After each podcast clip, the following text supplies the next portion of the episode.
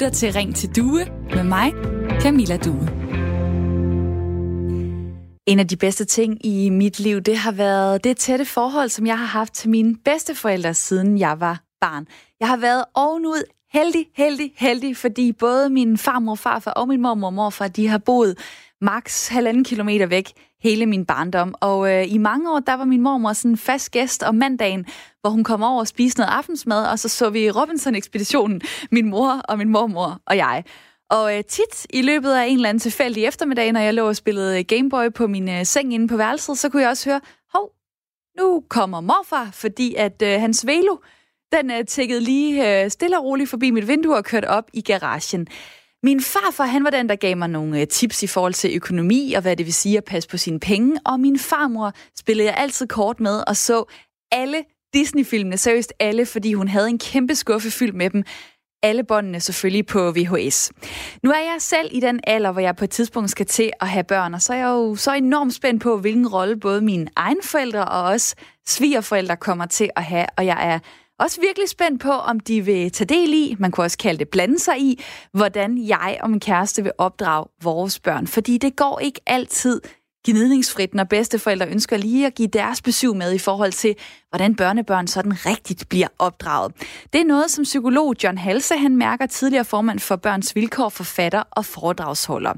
Han har nemlig flere og flere familier, der henvender sig til ham, fordi bedsteforældre og deres voksne børn er uenige om, hvor stor en del af børnebørnenes opdragelse, som bedsteforældrene må være en del af. Det er også et emne, som Christi Dagblad har beskæftiget sig med den seneste tid. John Halse han øh, siger til avisen, at øh, bedsteforældrene jo tit bliver inviteret ind i småbørnsfamilierne, fordi der er brug for en hånd, og så siger han det her. Men når forældrene udtrykker, at der er brug for bedsteforældrene til at få tingene til at hænge sammen med små børn og to fuldtidsjob, så nytter det ikke noget, at bedsteforældrene samtidig får at vide, at de ikke kan opdrage på børnene. Okay, så øh, bedsteforældrene, de må altså gerne blande sig, lyder det her. Hvor meget tænker jeg så? Altså, må de bestemme, hvad børnebørnene skal spise? Hvor meget sukker, der ryger indenbords, når de er sammen? Må en bedsteforælder tage sit barnebarn med ind og få lavet huller i ørerne? Eller måske en ny frisyr, uden at det er aftalt? Må bedsteforældrene tænde for tv'et, selvom der er skærmfri tid derhjemme? Det er det, jeg gerne vil tale med jer om i dag, jer der lytter med. Hvad er din holdning til det her? Må bedsteforældre gerne opdrage deres børnebørn, eller er det kun forældrene, der må det? Hvad gør I i din familie? Du kan ringe lige nu på 72 30 44 44. Du kan også sende en sms til 1424, hvor du skriver R4. Så laver du et mellemrum, og så skriver du din besked og sender den afsted. Og du må da gerne lige skrive, hvad du hedder og hvor du skriver fra. Altså, må bedsteforældre gerne opdrage deres børnebørn, eller er det kun forældrene, der må det, og hvordan gør I i din familie? Send en sms lige nu til 1424, skriv R4, lav et mellemrum, og skriv så din besked og send den afsted, eller ring på 72 30 44 44.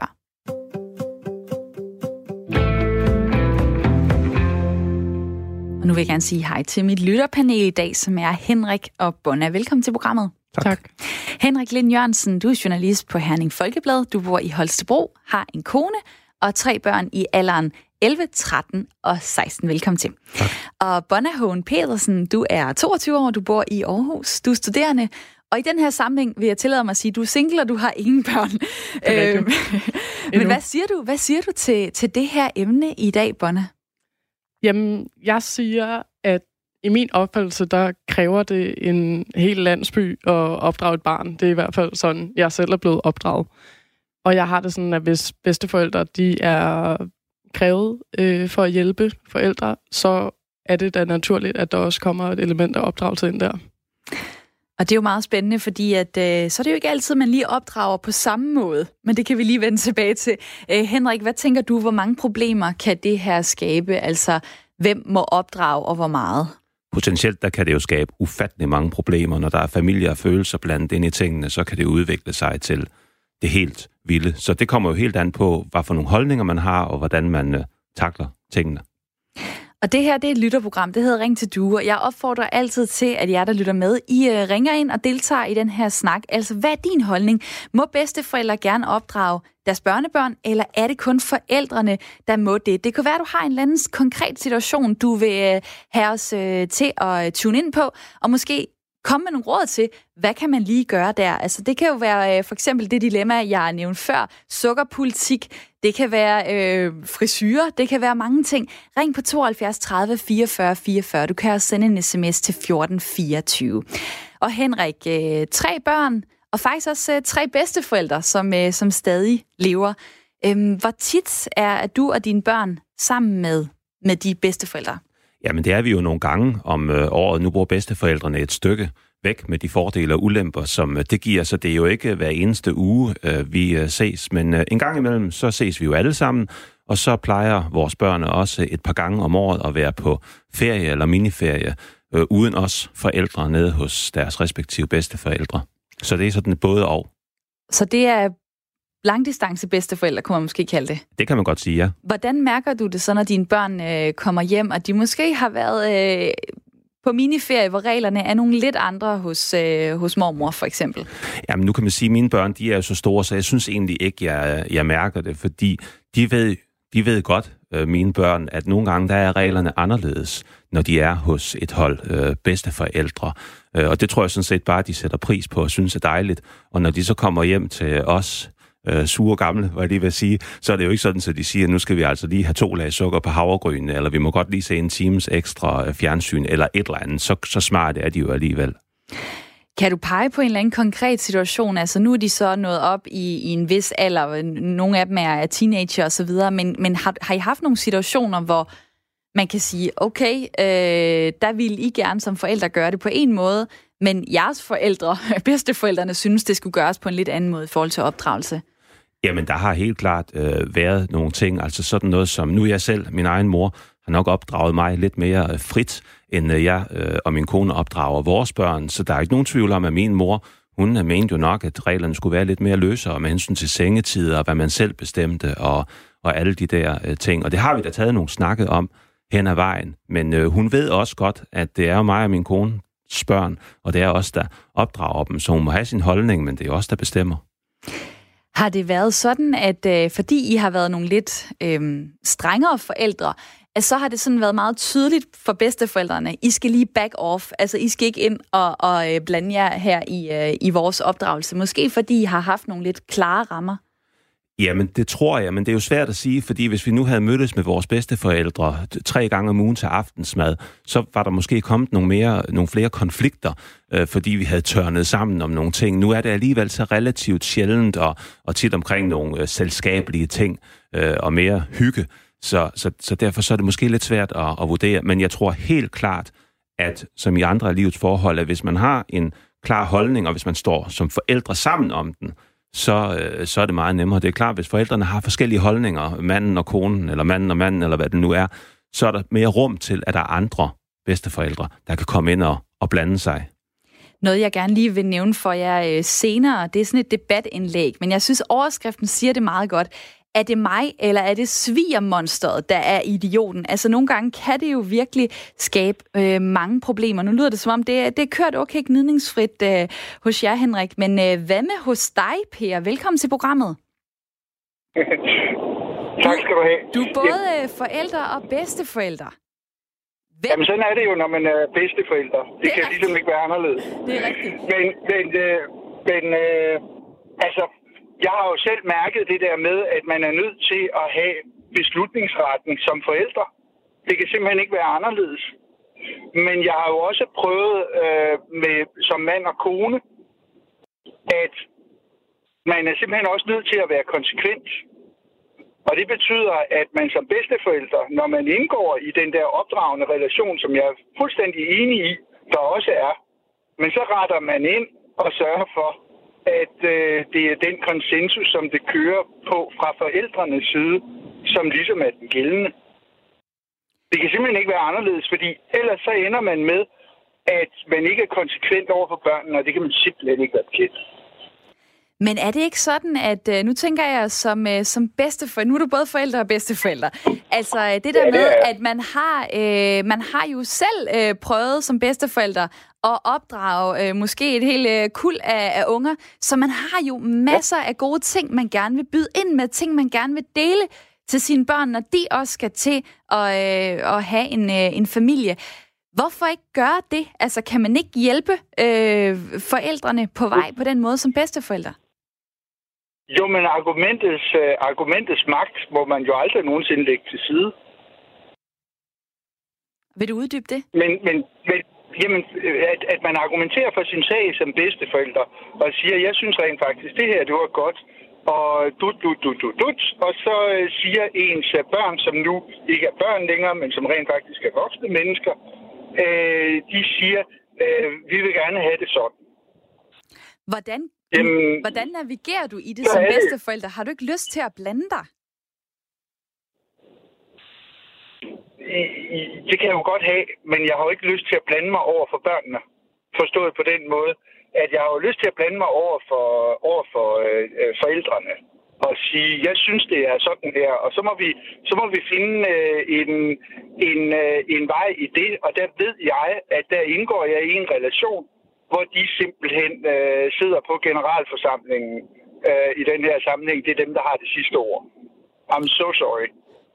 Så, Jamen... så det eneste, jeg har, det er, at jeg har mit øh, gode ord og min påvirkning. Men jeg kan da ikke indgå i relationen og så sige, jeg ved godt, I vil have det sådan her, men nu gør jeg bare sådan her. Det kan jeg simpelthen ikke være bekendt over for børnene. Så det er, det er børnene, du tænker på. Jeg tænker lidt på det der med, at øh, så, bliver du, så bliver du måske kaldt ind og skal give en hjælpende hånd, og når der er sygdom, så ringer de og så videre. Og så det der med, at, at så må du egentlig ikke også øh, i det samvær, du har med dine børnebørn, så må du ikke gå ind og sætte dit præg på, hvad, hvad, hvad du synes. Er det ikke sådan lidt, øh, hvad kan man sige, at, at bede om for meget? Man vil gerne have hjælp, men man vil ikke have, at bedsteforældrene øh, opdrager?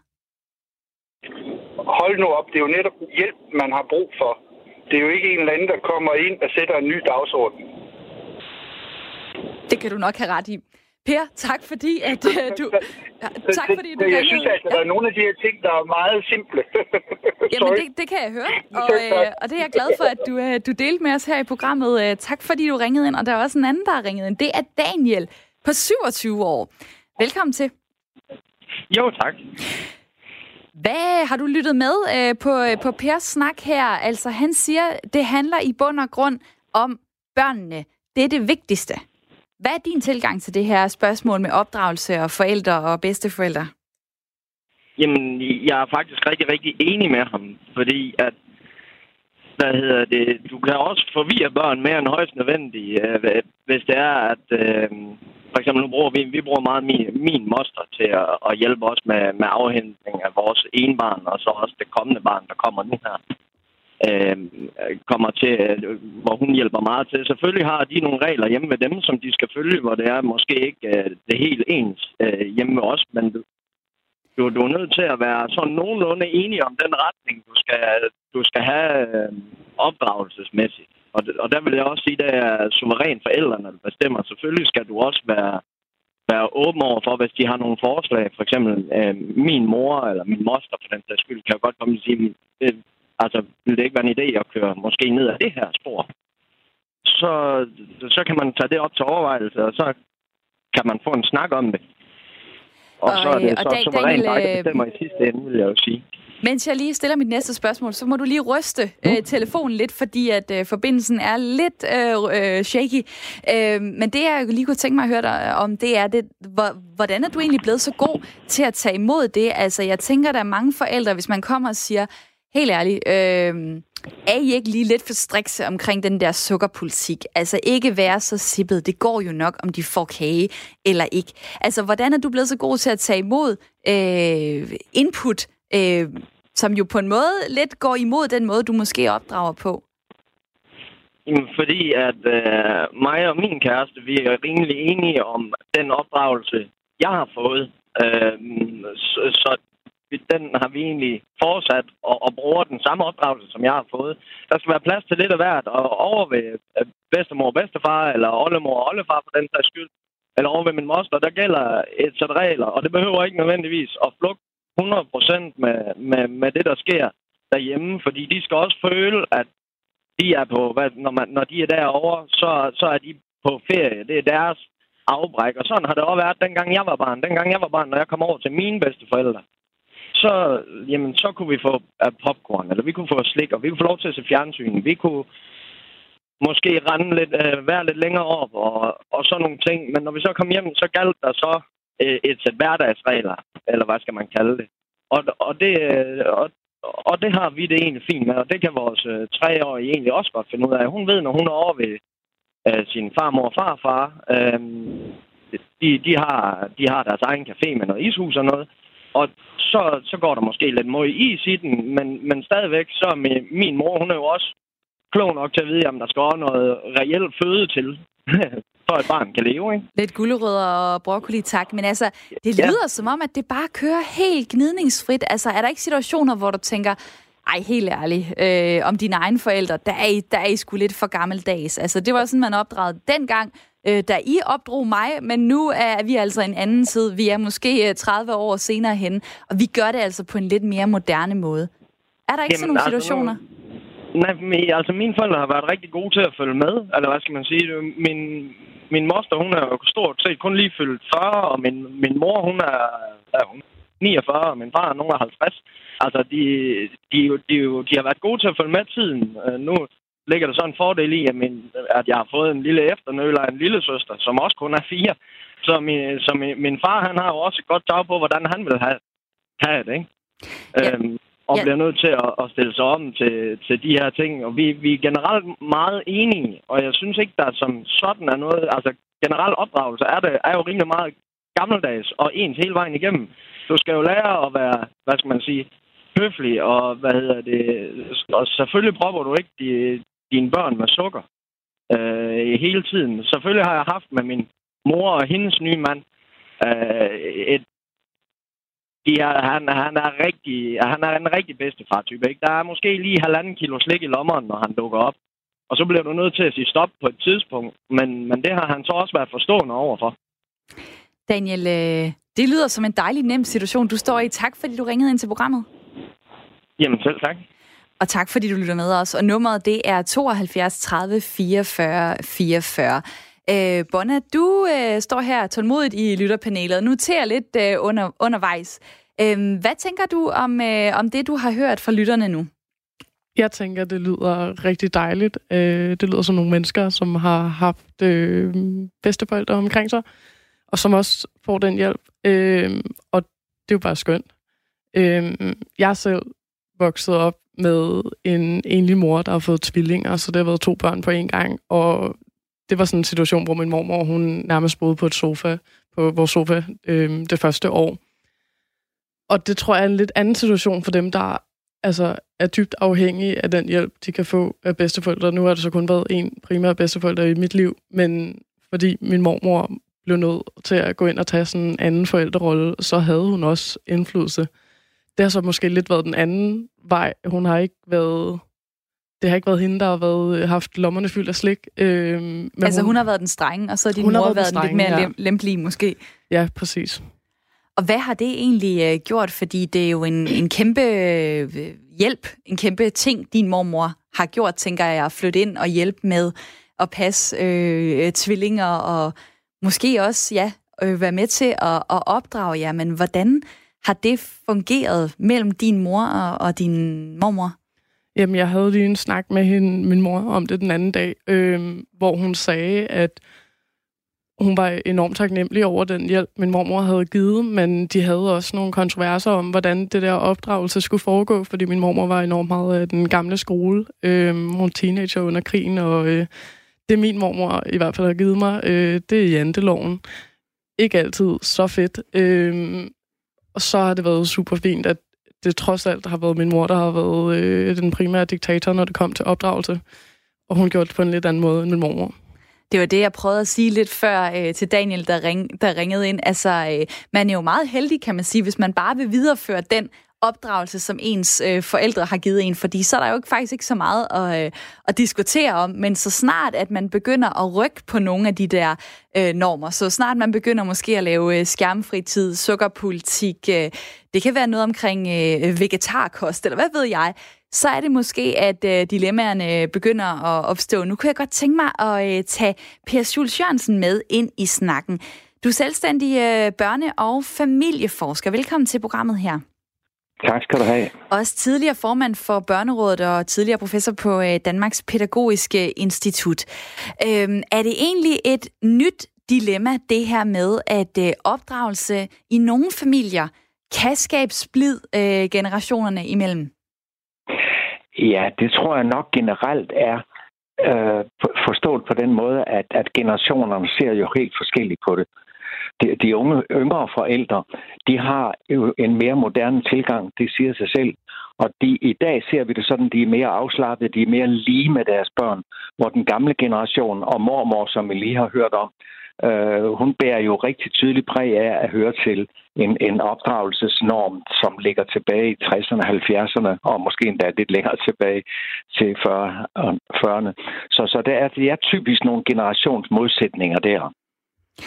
Og hvad er det så egentlig for en, en bedsteforælder, øh, man har at gøre med i dag? Altså, hvad har ændret sig de sidste øh, årtier? Ligesom at forældrene øh, har ændret sig måden at opdrage på. Hvad er det så for en moderne bedsteforælder, man ser i dag? Ja, det er øh, bedsteforældre, som øh, har tid til nærvær bedsteforældre, som kan øh, have et dejligt samvær og mere afslappet samvær med deres børn. Og, og selvom mange bedsteforældre jo også bliver på arbejdsmarkedet op til 70 og ind i 70'erne for så vidt, så, så er det normalt her, at bedsteforældre har mere nærvær og kan bøje sig ned og være sammen med børnene. De går ikke ind i opdragerholden. Og det er jo selvfølgelig også fuldstændig klogt at holde sig for det. Så der får børnene noget nyt, som forældrene, der, der begge to er presset og stresset, og det er den moderne familie, hvor begge forældre jo knokler afsted på arbejdsmarkedet, og meget ofte har mange forpligtelser ud over det. Så der får øh, bedsteforældrene en ny kærlig rolle, kan man sige. Jeg synes at det må være meget svært at navigere i, hvad er det øh, at, at være kærlig, og hvad er det at så øh, tillade for eksempel for meget. Altså det der med, at selvom man er bedsteforælder, så kan det jo godt være, at barnet, barnebarnet lige prøver en lidt af og vil skubbe til nogle grænser osv. Og så er det vel der, man står i det der dilemma. Skal man ind Jamen, det... og sætte nogle grænser, fordi man også jo er voksen, eller øh, hvem skal bestemme her? Men jeg tror, det er sådan, at bedsteforældre oplever det sådan, at de får en ny chance en ny chance for et samvær med et lille barn på 4, 5, 8, 10 år osv. De får øh, en mulighed for igen at gøre noget, og nu er de selv mere afslappet, tager det mere roligt, har ikke selv det store ansvar. Så, så den fantastiske mulighed, det giver her, den, den er, øh, at langt de fleste bedsteforældre jo opsat på at udnytte og få noget rigtig godt ud af, og så ønsker de jo heller ikke at opdrage. Øh, de fleste bedsteforældre ved jo godt, at det, det har de jo ikke ansvar for. Og det skal de heller ikke gå ind i, og de skal heller ikke skabe nogen modsætninger til, til, til forældrene. Så derfor tror jeg, at i almindelighed i dag, der, hvor man ikke holder så meget på de normer og gammeldags traditioner om, at man skal gøre det på en og kun en bestemt måde, og kun sidde sådan ved bordet og ikke må tale med mad i munden. Alle den slags ting, som, som det gamle samfund var optaget af, og hvor bedsteforældrene jo var, var ledvogter på sådan en streng kultur, det er de ikke på samme måde i dag. De er meget, langt mere afslappet og får et langt bedre forhold til deres børnebørn. Det er dejligt, at du siger, at det er så øh, ukompliceret. Det er ikke helt det, som øh, psykolog John Halse han oplever. Han, øh, det er jo grunden til, at vi taler om det her i dag. Han siger, at der er flere og flere familier, der henvender sig, fordi der simpelthen kommer splid, øh, når øh, man skal finde ud af, hvem må opdrage, hvem må ikke opdrage. John Halses øh, holdning er jo, at hvis man har brug for hjælp, og hvis man inviterer bedsteforældrene ind, så må man også samtidig vide, at så skal de have lov til at være øh, en del af opdragelsen. Kan man ikke også ja. få noget godt ud af det, og få den sparring fra bedsteforældrene, få al den viden, de har fra den gang, de opdrog? Jo, hvis bedsteforældrene bliver inviteret ind med klare forventninger om, at bedsteforældrene skal påtage sig en egentlig opgave. Hvis, hvis de går ind og skal aflaste forældrene, øh, og, og det er jo så en lidt anden opgave end der, end blot at være bedsteforældre, der en gang imellem, måske hver uge eller hver 14. dag, øh, har øh, samvær med, med børn, børnebørn, der får de jo ikke den opgave. Men her, som vi også hørte tidligere her, hvor mormor flytter ind og tager en egentlig funktion i, i familien, der er det klart, at så, så opstår der konfrontationer, så opstår der spænding og måske gnister en gang imellem, fordi så, så er det nogle helt andre typer af forventninger til de bedsteforældre. Men hovedparten af bedsteforældrene, de har jo ikke den opgave. De har den lidt mere, skal vi sige, lidt lette, lidt nemme, den, der, der, der handler om at have det lidt dejlige, afslappede samvær, uden at bedsteforældrene skal gå ind og have en egentlig reel opdragelsesopgave. Og det sagde øh, Per Schultz Jørgensen, som arbejder som selvstændig øh, børne- og familieforsker. Tak fordi, at øh, du var med her. Lige om lidt øh, skal vi have et øh, nyhedsoverblik, og så øh, glæder jeg mig til lige at læse lidt op af et debatindlæg, som jeg tidligere også nævnte. Er det mig, eller er det sviger monstret, der er idioten. Og det er en ung mor, som øh, har lidt problemer med øh, svigermor, som altså meget gerne vil blande sig i opdragelsen. Der er kommet en sms her, hvor der står, alle må opdrage børn. Forældre, bedsteforældre og fremmede. Jeg tillader mig at opdrage andres børn, der ikke kan opføre sig ordentligt i det offentlige rum. For eksempel har jeg oplevet, at øh, børn øh, spytter papirskugler afsted øh, på en bus, og så har jeg i rette sat dem. Jeg har ikke selv nogen børn, men alle må altså opdrage børn, står der i sms'en her. Det kan være, at du har en tanke om det, dig der lytter med. Så kan du øh, komme med et øh, modsvar. Hvad siger du til det? SMS-nummeret det er 1424. Skriv R4, lav et mellemrum og send så din besked afsted. Du kan også ringe lige nu på øh, 72 30 44 44 og sige, må bedsteforældre være med til at opdrage på børnebørnene, eller er det forældrenes rolle? Nummer det er 72 30 44 44. Vi er tilbage om fire minutter. Nu skal vi lige have et nyhedsoverblik. Her er nyhederne på Radio 4. Betjentene kan efterhånden ikke længere tåle at arbejde i de danske fængsler, fordi de bliver syge af arbejdsforholdene. Det mener Bo Yde Sørensen, der er formand for Fængselsforbundet. Han kræver handling efter, at det er blevet dokumenteret, at mange fængselsbetjente de har PTSD, posttraumatisk stress. Vi som fængselsbetjent, vi står fuldstændig alene over for, jeg var lige ved at sige, bunker øh, af kriminelle, af voldsforbrydere, øh, Øh, og, og, og, og røver og morder og andet godt folk. Og, og det kan man altså ikke klare med den bemanding, vi har i dag. Vi har sparet kriminalforsorgen fuldstændig ihjel. Vi mangler 20 procent af vores fængselsbetjent øh, for at komme tilbage på bare et normalt niveau. Vi, vi, det bliver man simpelthen syg af. Man kan ikke tåle at stå i de forhold alene. Det Nationale Forsknings- og Analysecenter for Velfærd, VIVE, har for Justitsministeriet lavet en kortlægning over PTSD hos fængselsbetjente og politifolk. De forløbige resultater de viser, at 5,4 procent af de adspurgte fængselsbetjente i en spørgeskemaundersøgelse er diagnostiseret med PTSD. Samtidig så opfylder yderligere 13,5 procent diagnosekriterierne for den psykiske lidelse. Bo Yde Sørensen han håber, at de fremlagte tal de nu kan skubbe udviklingen på rette vej. Men det er en svær udvikling at vende, mener han. Ifølge ham, der stoppede op mod 200 fængselsbetjente sidste år. Halvdelen af dem de blev sygepensioneret, mens den anden halvdel stoppede, fordi arbejdet blev for surt. I første omgang, der kræver en positiv udvikling, at Kriminalforsorgen, der driver landets fængsler, anerkender problemet, og at der er politisk opbakning til at gøre noget ved det, mener Bo Yde Sørensen. Men det bliver svært at lokke de nødvendige nye kræfter til. Ja, det burde jeg jo ikke sige, men øh, for jeg er jo ikke interesseret i at skræmme potentielle ansøgere væk. Men, men, men, men vi er jo nødt til at sige sandheden, og, og sandheden er, når 13 procent har symptomerne, så de kan diagnostiseres med PTSD, ja, så er det en erhvervsrisiko øh, ved at være kriminalforsorgen. Det er første gang, at omfanget af PTSD blandt danske betjente det er blevet kortlagt. Antallet af gravide med behov for særlig støtte under svangerskabet er i betydelig stigning. Så lyder det fra overlæger på landets familieambulatorier, hvor man tager sig af sårbare gravide, skriver Kristeligt Dagblad. De vortende forældre er ramt af komplekse problemer på grund af blandt andet fattigdom, psykisk sygdom og andre udfordringer, der følger med, når en person står på kanten af samfundet. Det siger Inge Ibsen, der er overlæge og faglig leder af familieambulatoriet i Region Syddanmark til Avis Avisen.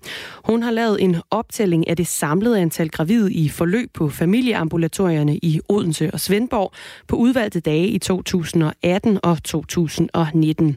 Den viser, at der i december 2018 var i alt 349 sårbare gravide i forløb, og knap et år senere, der var det tal steget til 407 sårbare gravide. På familieambulatoriet på Hvidovre Hospital var i alt 975 kvinder i et forløb på hospitalet på grund af psykosociale problemstillinger i 2019. Ud af dem, der var ca. 650-700 komplekse, altså med en vifte af samtidige problemer. Gruppen den udgjorde i alt 14 procent af det samlede antal kvinder, som fødte på hospitalet det år, og det er en stigning fra 2017, hvor tallet det var 11 procent. Afsnitsleder og jordmor Michelle Kols mener, at stigningen afspejler, at uligheden er øget i samfundet generelt, ligesom flere i det hele taget er ramt af psykisk sårbarhed. Og så tager vi et kig på vejret fra DMI. I dag der får vi lidt eller nogen sol, men også enkelte byer ind imellem. Og efter en kold morgen her, så stiger temperaturen til mellem 5 og 7 graders varme.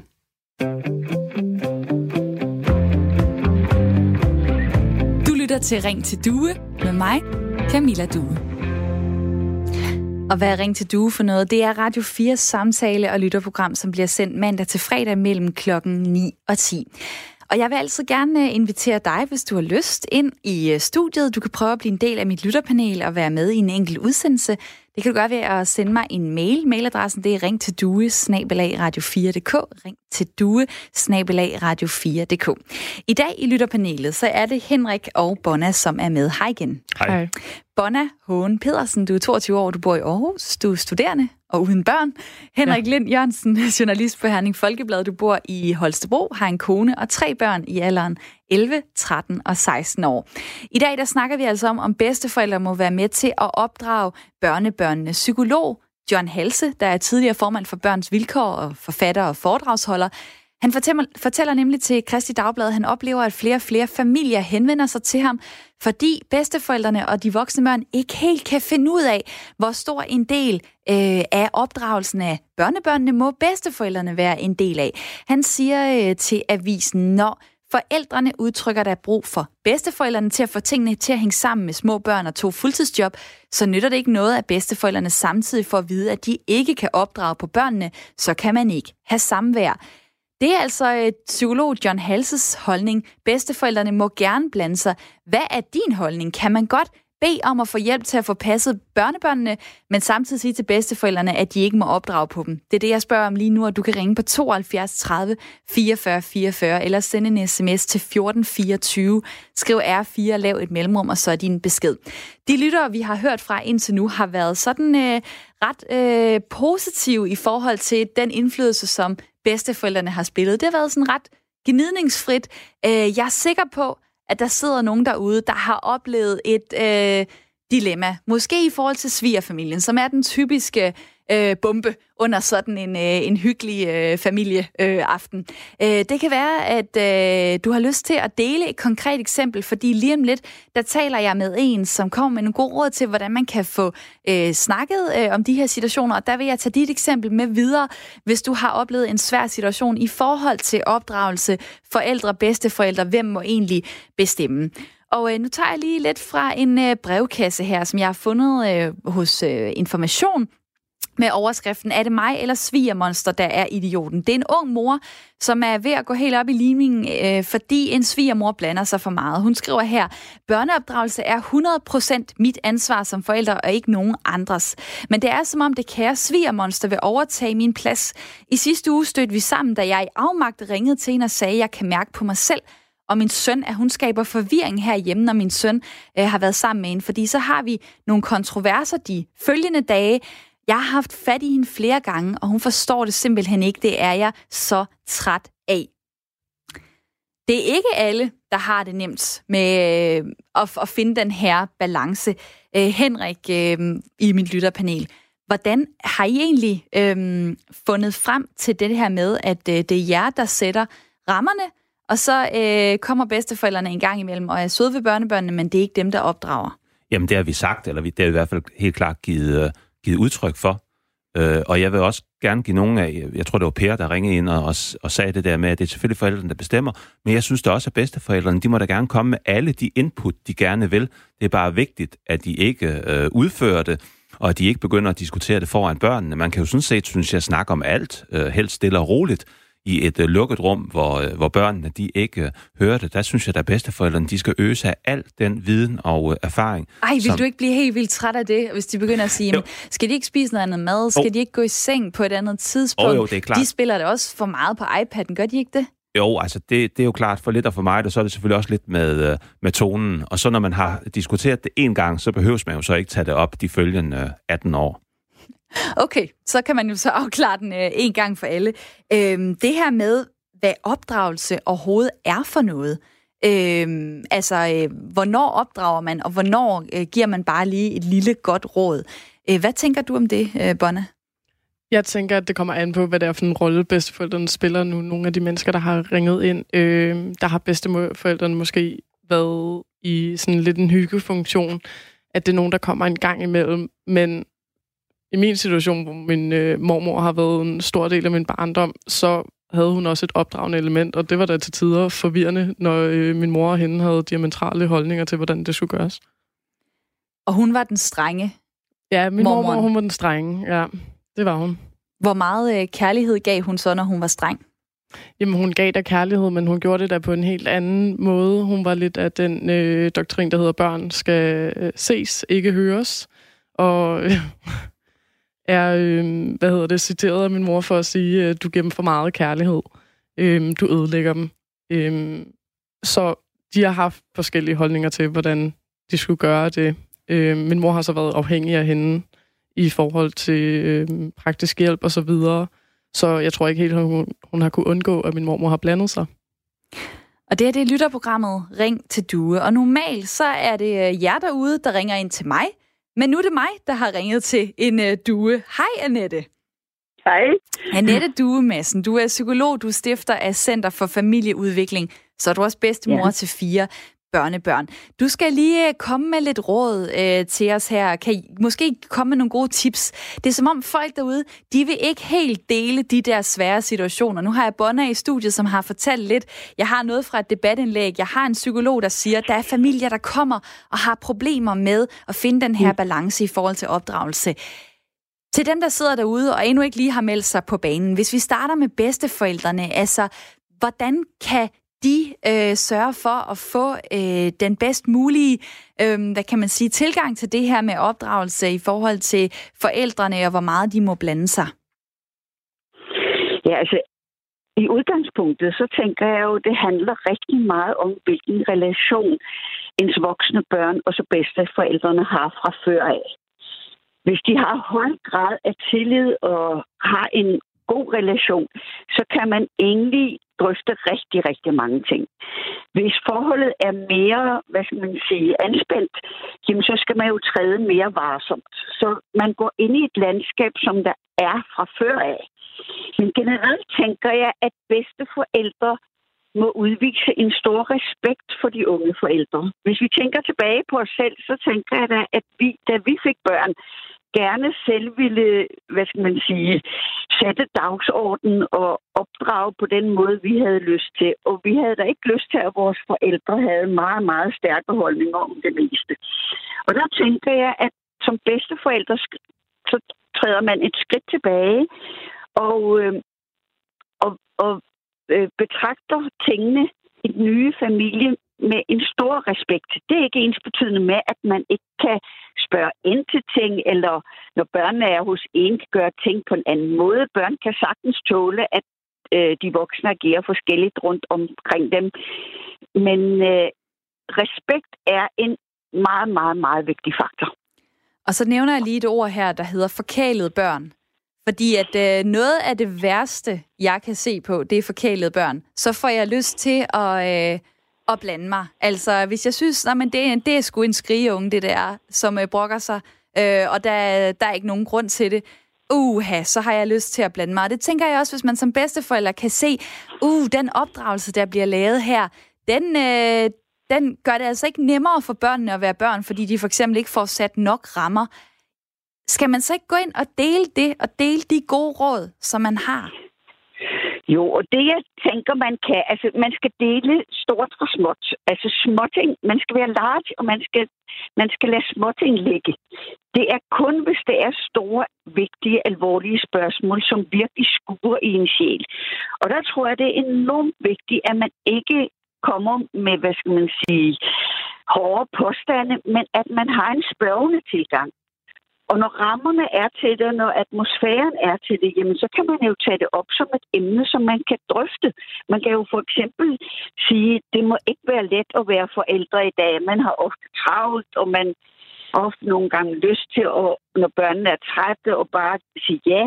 Øh, hvordan takler I egentlig det til daglig? Fordi det synes vi må være rigtig, rigtig svært. Og som bedsteforældre, så kan vi også nogle gange blive i tvivl om, hvorvidt vi skal sige ja eller nej til noget, barnet spørger om.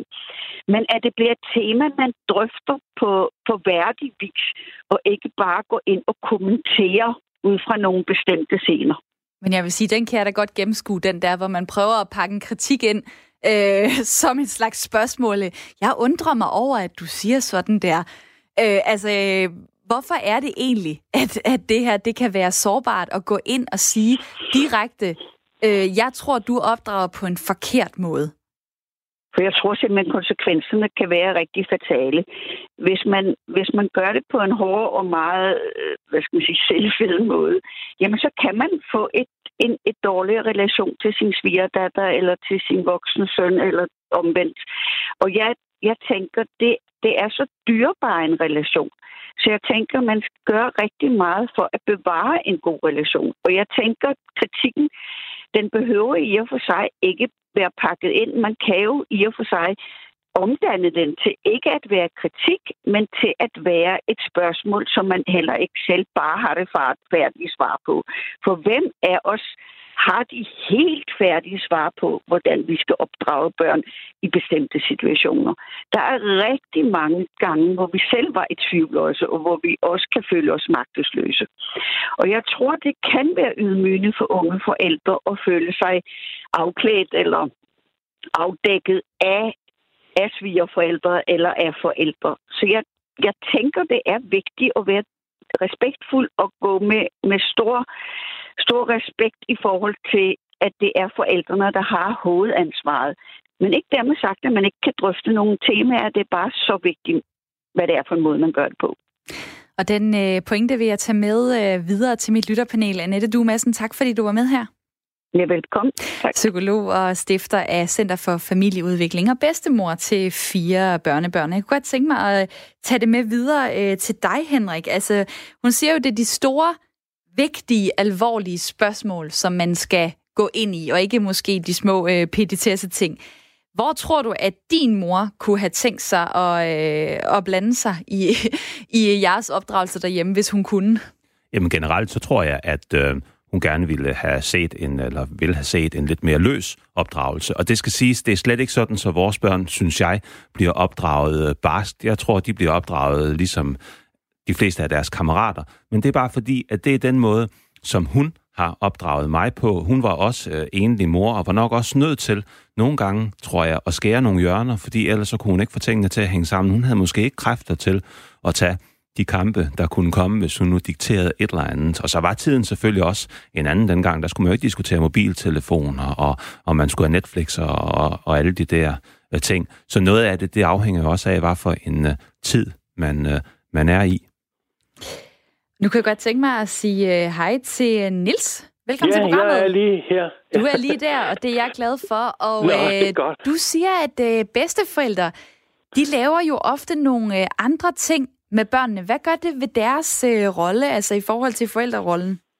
Mm, jamen, det gør dem måske lidt mere spændende øh, på i børnenes øjne, at øh, der er foregår nogle andre ting, end øh, det, der måske gør derhjemme med lektiehjælp og travlhed og i seng og alt det her, øh, hvor der skal være lidt styr på det, i hvert fald i, i hverdagen, ikke? Og så øh, har man måske mulighed for at udvide børnenes horisont en lille smule til øh, noget andet i tilværelsen, blandt andet øh, fordybelse, for eksempel hvis man tager dem med i skoven og fortæller dem lidt om dyrene og viser dem de der hemmelige stier, man selv har gået på med sin far, da man var lille, og, om ulegylp og om, om, dyrene i skoven og hvordan de lever, altså hvor de får store øjne og, og, og prøver at lytte sig og synes, det er lidt spændende.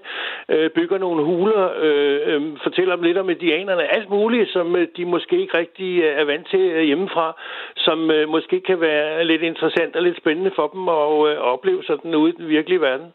Og så tror jeg også, at det er vigtigt, hvis man i det hele taget skal opdrage nogen som helst med noget som helst, at man ligesom også selv har øh, et kompas, der er nogenlunde i vatter. Fordi øh, mange mennesker øh, har jo øh, forskellige indstillinger til det her med, hvad, hvad der nu er, er godt og skidt. Men de fleste mennesker kan jo godt i hvert fald ikke kende til, at man siger tak for mad, eller goddag og farvel, og øh, hilser på folk, og øh, er høflige og, og venlige osv. Og, og det, det er jo også en del af, af den der almindelige dannelse og opdragelse, som man håber på, at de fleste mennesker, der skal leve leve sammen i samfundet, de nogenlunde øh, har på, øh, på rette køl. Ikke? Så der vil du øh, ved dine børnebørn øh, øh, godt kunne gå ind og sige, øh, det skal vi lige huske. Vi skal lige huske at sige øh, øh, tak for mad, og vi skal huske at tage tallerkenen ud, og øh, vi, øh, hvad ved jeg, lukker døren, når vi går på toilet eller et eller andet. Altså, øh, der vil du godt ind og opdrage. Jamen, jeg synes, at øh, det er sådan noget, man øh, i dag, synes jeg, lægger meget mærke til, øh, når nogle øh, mennesker, også voksne, øh, gør sådan noget af sig selv, øh, at man siger, hold da op, øh, du ved, og spørger, om de skal tage skoene af, inden de kommer ind og sådan Altså, du ved, der er sådan nogle ting, hvor man tænker, okay, så har de jo ligesom fået et eller andet med agtig, ikke? Du ved, som vi kan bruge til noget. Øh, og det, det synes jeg er meget væsentligt i dag, hvor, hvor, hvor hele, øh, alting meget i hvert fald bliver sådan ligesom smidt op i luften og falder sådan lidt tilfældigt ned til højre og venstre, og hvor folk ligesom selv skal øh, finde ud af, hvad, hvad er nu rigtigt og hvad er forkert øh, øh i den her øh, opdragelsesfase øh, her, sådan så man kan begå sig. Og det, øh, jo mere, kan man sige, øh, fællesnævner der er for den slags, øh, jo, jo nemmere tror jeg, det er at få et samfund til at fungere med mennesker i, øh, for ellers så opstår der konflikter. Og de der bedsteforældre, jeg lige havde fat i før, det blev rigtig nok sagt fra panelet, øh, som er lidt i uføre med deres øh, børn, de må jo så også spørge sig selv, eventuelt, hvad har jeg gjort forkert, da jeg opdragede dig, siden at du åbenbart gør det så forkert over for dine børn i mine øjne. Så det der, kan jeg godt genkende der, til. Ja, der bliver også nikket her i lytterpanelet, Niels. Tak fordi ja. Øh, du ringede Jamen, ind. Det var så lidt af en rigtig god dag for os. I lige måde. Og jeg tager lige en sms her. Øh, nummeret er 1424. Børnene kan sagtens skelne mellem regler hos bedsteforældre og forældre. Når børnene er hos bedsteforældrene, er det deres regler, der gælder, hvilket kun er rimeligt. Hvis forældrene mener, det vil præge børnene for meget, så skal de nok kigge indad og overveje, om man ikke skulle bruge mere tid med sine egne børn, i stedet for at overlade dem til bedsteforældrene, fordi man arbejder meget eller har egoistiske projekter, man hellere vil, øh, end at bruge tiden med sine børn. Det skriver en far til to drenge på 9 og 11 år, og øh, den pointe vil jeg da godt lige tage med ind. Altså, øh, Bonna, er det simpelthen, øh, øh, den her snak, øh, kommer den ud af, at der er nogle forældre, der simpelthen ikke er nok sammen med deres børn, og derfor så begynder de måske også at blive lidt usikre på, åh, øh, hvordan øh, opdrager vi lige, og så kommer bedsteforældrene og blander sig og sådan noget, men det bunder, altså, det bunder i, at de ikke er trygge nok, fordi de ikke ser deres børn nok og nok sammen med dem. Jeg kunne da forestille mig, nu har jeg jo ikke selv nogen børn, så jeg kan ikke øh, tale øh, på forældrerollen, men jeg kunne da godt forestille mig, at der er mange, der har travlt og måske gerne ville bruge mere tid med deres børn, end de kan. Øh, jeg ved ikke, jeg synes måske lidt, det var lidt voldsomt sagt at sige, at det er, en, øh, det er egoistiske projekter, der ligger til grund for, at øh, bedsteforældre nogle gange må træde ind og give en hjælpende hånd. Øh, ja. Jeg vil gerne øh, sige hej til Vaid, der har ringet ind til programmet. Velkommen til. Ja, goddag, og goddag til alle sammen. Goddag. Du har en søn, og du siger, at øh, ham kan alle opdrage på. Hvorfor det? Ja, fordi vi, hvis vi vil gerne have en godt samfund, så det er nødvendigt, at vi skal opdrage vi alle sammen. Jeg tænder en radio. Nå, du er i radioen, er der en, der siger baggrunden, kan jeg høre. Så du, øh, du vil ikke have noget imod, øh, hvis jeg kom forbi, øh, øh, lad os sige, øh, på gaden, og lige så øh, din søn gøre noget, så siger jeg, hey, du skal ikke stå og, øh, og smide tyggegummet der. Det vil være okay. Nej, I mean, jeg tror alle mennesker, I mean, først og fremmest, jeg må op- op- opdrage mig selv til at være en god mand. Fordi øh, øh, når man siger på engelsk, man siger, action speak louder than word. Så jeg må gøre det noget godt til at være en eksempel for mig selv, for min søn, for min samfund, jeg lever i. Det er vi alle sammen ansvar til at opdrage vores børn. Det må vi da godt, fordi det er kun godt for vores samfund. Jeg kigger lige på Henrik i lytterpanelet. Hvad siger du til den tilgang? Jamen altså, ligesom der var en, der skrev lidt tidligere, så vil jeg da også gerne, eller jeg vil også gerne i rettesætte eller påtale, hvis der er en, der gør noget i det offentlige rum. Men jeg tror ikke, jeg ville gøre det, hvis det var en på seks år, som havde sin far stående ved siden af. Så skulle det i hvert fald være gralt, fordi ellers så vil jeg nok ligesom sige, ja, men det er altså hans forbandede pligt at opdrage hans søn eller datter til sådan, så de ikke gør, gør sådan. Og så vil jeg nok bare tænke mit jo. Hvad it, øh, er der nogle bedsteforældre øh, til din søn? Uh, ja, jeg har Adams mormor og morfar, dem der bor i Danmark, og uh, hans farfar og farmor er døde i Indien, så han er kun uh, den far mors side. Og hvordan øh, får, øh, får øh, mormor og morfar så lov til at, at være med til at opdrage? Jamen, det har de gjort. Adam er 20 år i dag. han går på universitet. Så det er et stykke, har... det er et stykke tid siden? Ja, men de har gjort det bedste, de kunne, og jeg er rigtig glad for, at han har sådan en uh, mormor og mor og far. Det er jeg rigtig glad for. Det er dejligt at høre. Hvad tak, fordi du ringede ind til programmet. Det er min fornøjelse, og have en rigtig dejlig dag til alle sammen. I lige måde. Og jeg er glad for, at Vaid øh, fandt frem til nummeret 72 30 44 44, som er det, man skal ringe på, hvis man vil igennem lige nu øh, her i øh, Ring til Due, som er Radio 4 samtale- og lytterprogram. Man kan også sende en sms til 1424. Det har Lise gjort. Hun skriver her, øh, vedrørende opdragelsen. Jeg mener, at det i hjemmet er forældrene, som har ansvaret for opdragelsen, men på andre områder må det være i orden for andre at sætte grænser, øh, som både børn og forældre som må forholde sig til. Alt andet vil være tyranni. I det offentlige rum mener jeg, at det for eksempel er i orden, at andre griber ind, hvis der er en uacceptabel adfærd, som påvirker omgivelserne decideret negativt, skriver Lise på sms'en 1424. Øh, og noget af det første, du sagde, Bonna, det var, du synes nærmest en hel landsby øh, skal være med til at, øh, at opdrage. Hvorfor øh, giver det noget godt, hvis der er mange, der blander sig i en opdragelse? Jeg tænker, det giver noget godt, fordi så lærer man, at der måske er sp- forskellige spilleregler i øh, ja, forskellige steder. Øhm, og ja, igen, taler jeg min egen erfaring, så har det været min mor. Øh, der har været en primær opdragelse som min mormor, men jeg kan da også huske, at alle de naboer, jeg havde i min opgang, de var da også lidt med ind over. Måske ikke decideret til det der med opdragelse, hvornår skal du gå i seng, og hvad må du spise, og så videre. Men det kræver mange mennesker øh, at skabe et helt menneske, og danne et helt menneske, og meget af det foregår også i skolen. Ikke at det der den primære opdragelse skal foregå, men det er jo ikke et øh, enmandsprojekt, og så hvis man er enlig forælder, så er det da rart at få hjælp. Ja, man kan jo sige, at det i sidste ende nærmest ikke øh, pædagoger øh, og lærere og bedsteforældre, der samlet set opdrager mere end forældrene, fordi de ser børnene mere. Hmm, måske. Jeg kunne godt lige tænke mig at tage Kenneth med ind i øh, snakken. Velkommen til. Tak skal du have. Er det, er det rigtigt, eller er det øh, forkert, øh, synes du, hvis, øh, hvis flere begynder at opdrage på det samme barn?